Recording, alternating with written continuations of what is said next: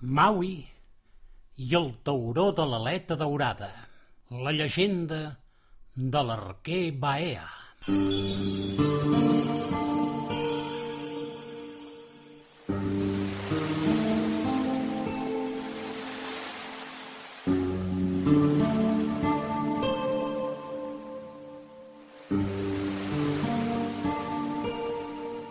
Aquesta és la llegenda que Kala i Mauna van explicar a Maui i a Àpia. Heu de saber que Bailima vol dir indret dels cinc rius. Aquests rius neixen d'una mateixa font. Diu la llegenda que la font va néixer de cinc estrelles que es van enamorar d'un mateix Déu, però que aquest les va refusar. Quan una estrella no rep amor, es va apagant lentament fins a esdevenir pols d'estrella. Com va ser possible aleshores aquest prodigi del naixement de la font? Heus-lo aquí.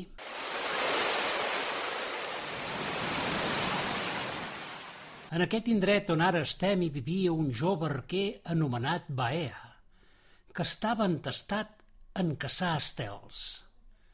Cada nit s'enfilava al turó més alt de Bailima, llançava les seves fletxes cel amunt com qui llença la canya per pescar al riu.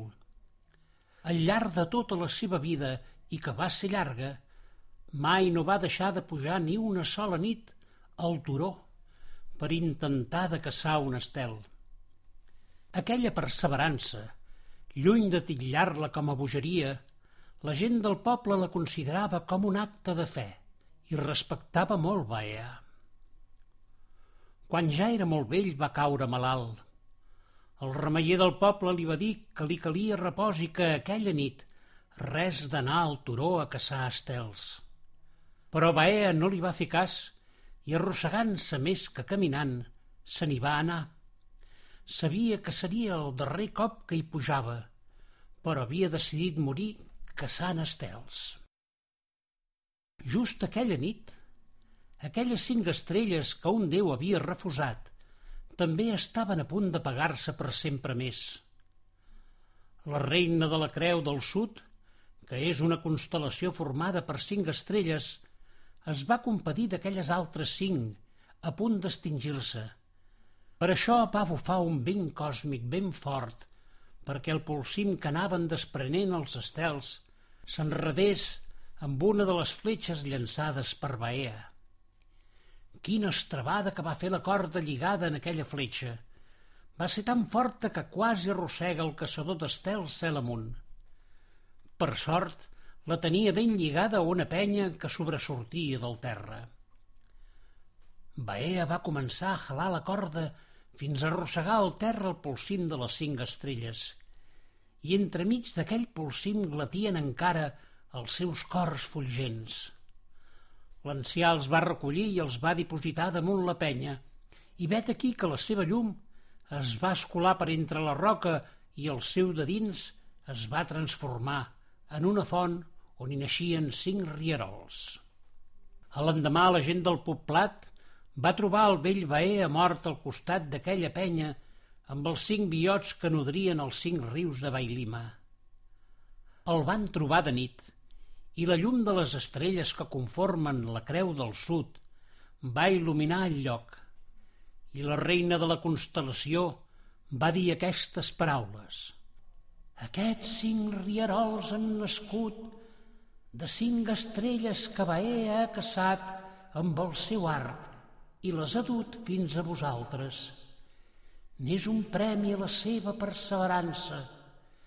Aquesta font serà el lligam de la vostra terra amb la creu del sud. Deixeu que la creu del sud us guiï. Baea va ser enterrat allí mateix i batejaren el turó amb el seu nom. Des d'aleshores, aquest indret el fan servir tots els remeiers i remeieres dels poblats per fer-hi prediccions i trobar camins quan es perden. Per això que Upo els havia enviat aquí, per preguntar a la Creu del Sud quin camí havia de seguir Maui per trobar el seu pare.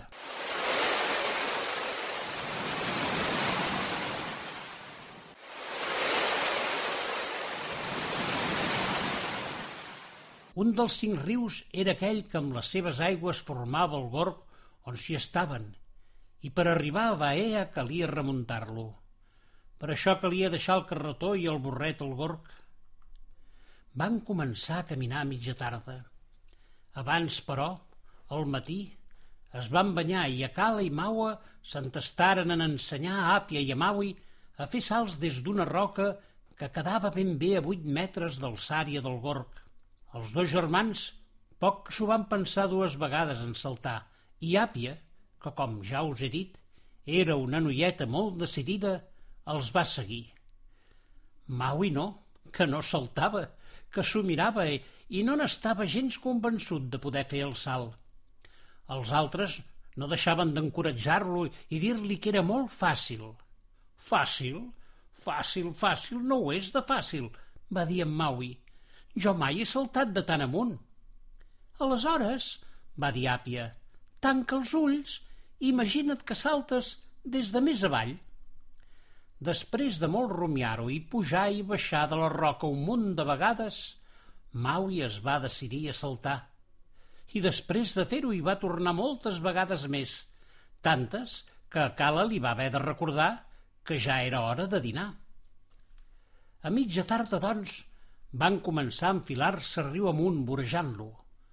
Tots tres portaven una petita motxilla amb queviures i una flaçada per dormir.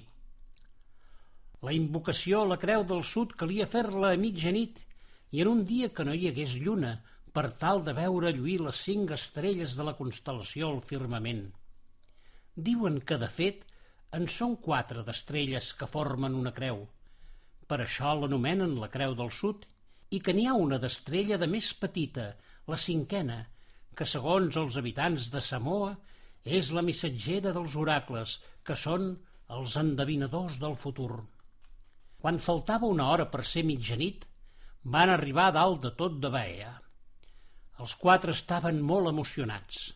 A Cala i Mauna ja hi havien estat altres vegades, però només per fer ofrenes a la Creu del Sud, mai per demanar-li una cosa tan concreta com assenyalar el camí que havia de seguir Maui per trobar el seu pare. Per tant, calia estar obert als senyals que rebessin i saber-los interpretar. El primer que van fer és plantar quatre pals formant un quadrat. L'alçada dels pals havia de ser de dos metres exactes i entre ells hi havia d'haver dos metres, és a dir, que tot plegat formava un cub. A dalt de tot dels pals lligaren una roba molt fina feta amb fibres de cocoter, a manera de tendal. Calia que estigués molt tensada. Així els hi havia dit que ho fessin caupó. Per això van posar quatre vents, un a cada pal, per tensar la roba. Després, i seguint les indicacions de Caupo, es van posar sota el tendal per preparar la cerimònia. Al centre del quadrat encengueren un petit foc on hi van cremar tot un seguit d'herbes i paperets escrits per Caupo, farcit de preguntes i enigmes. Després, cadascun d'ells es va seure al peu d'un pal i van esperar. Just quan era mitjanit, la petita foguera es va consumir i de les brases en sortí un raig de llum vermell i roent que es va enlairar i va travessar el tendal ben bé pel mig. I cel amunt es va anar enlairant fins a arribar al centre de la constel·lació de la Creu del Sud. El cub que havien construït també es va il·luminar i la llum no sortia de l'espai que marcaven els quatre pals. Era com si estiguessin en una petita cambra i les parets fossin de llum. Àpia, que era molt curiosa, va travessar la paret de llum amb el seu braç i de cop i volta es va sentir succionada cap a l'exterior. Ai, ai, que se m'emporten! cridava. Agafeu-me, agafeu-me! A Cala va agafar l'altre braç d'Àpia i Mauna el braç de Cala. I quan Maui va anar a agafar el braç de Mauna, no va ser a temps i els tres primers van travessar la paret de llum com succionats per la negra nit i van desaparèixer. El cap de Maui li deia de seguir el mateix camí dels seus amics, però el cor el feia restar dins el cub de llum. Aleshores, aquell raig de llum vermell que s'enlairava cel amunt des de la foguera i travessava el tendal ben bé pel mig, va canviar de color i de forma. El cor de Maui bategava molt de pressa i volia tocar aquell raig, tot i que el seu cap li deia el contrari. I què va fer Maui? Doncs el va tocar, i en fer-ho, tot ell va quedar rodejat d'aquell polsim blanc. Altrament, si no ho hagués fet, no hauria vist tot el que va passar. I em direu, què va passar? Doncs que de dalt de tot de la constel·lació de la Creu del Sud va començar a davallar l'estel petit, aquell que els nadius deien que era l'estel missatger dels oracles. Baixava molt a poc a poc i a mida que s'acostava es feia més i més brillant. Just després que travessés el tendal i en deixés un forat al vell mig, va fer una fogarada i se'n van tornar cel amunt, no sense abans deixar caure damunt la roba una pluja de guspires que en tocar-la la foradaren per tots costats. Tot seguit, el cub de llum va desaparèixer i la negra nit va tornar a vaear. Aquell efecte lluminós va colpir amb tanta força Maui que el pobre es va desmaiar.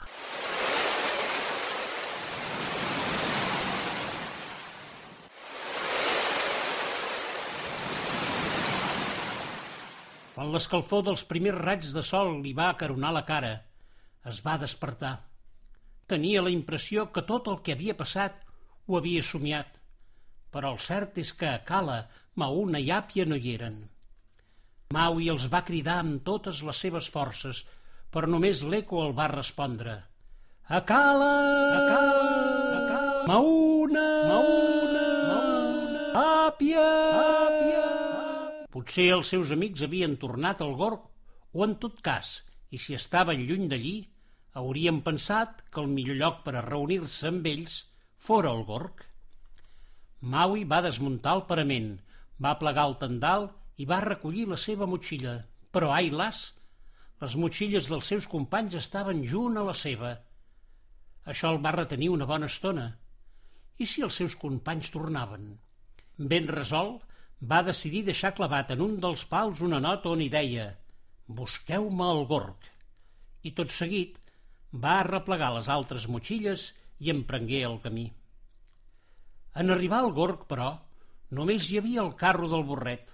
Dels seus amics, res de res. Maui va començar a témer per les seves vides. Els havia vist desaparèixer com un llampec, succionats a través de la paret de llum. Potser havien anat a parar molt lluny, molt lluny, potser fins i tot al mar. I mentre feia totes aquestes cabòries, un crit molt agut al seu darrere el va interrompre. Oh!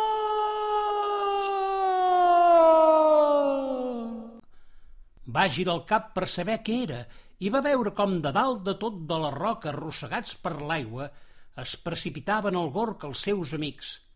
Va ser una caiguda espectacular, riu tantú dels salts des de la roca. De dalt de tot fins al gorg hi deuria haver uns 20 metres ben bons. A Cala, Mauna i Àpia encara anaven agafats de la mà i agafats de la mà van caure a l'aigua. Xop! Maui s'hi llançà per auxiliar-los i arrossegar-los a la riba. Per uns moments semblava que s'havien ofegat, els seus cossos restaven immòbils damunt una llosa de basal que hi havia arran del gorg. La primera en refer-se va ser Àpia, que en veure el seu amic el va abraçar emocionada. Maui! El crit va aixerobir els dos germans i tot va ser aixecar-se i abraçar-se contents pel retrobament. Una estona després, Maui els hi explicava tot el que li havia passat i del raig de llum i de l'estel missatger i del seu esclat. Cap dels tres companys no entenia res del que havia succeït. Aleshores Maui va demanar-los que li expliquessin on havien anat a parar en travessar la paret de llum. I heu de creure que cada un d'ells va explicar una història ben diferent i molt fantàstica, que ara jo us la vull explicar. Thank you.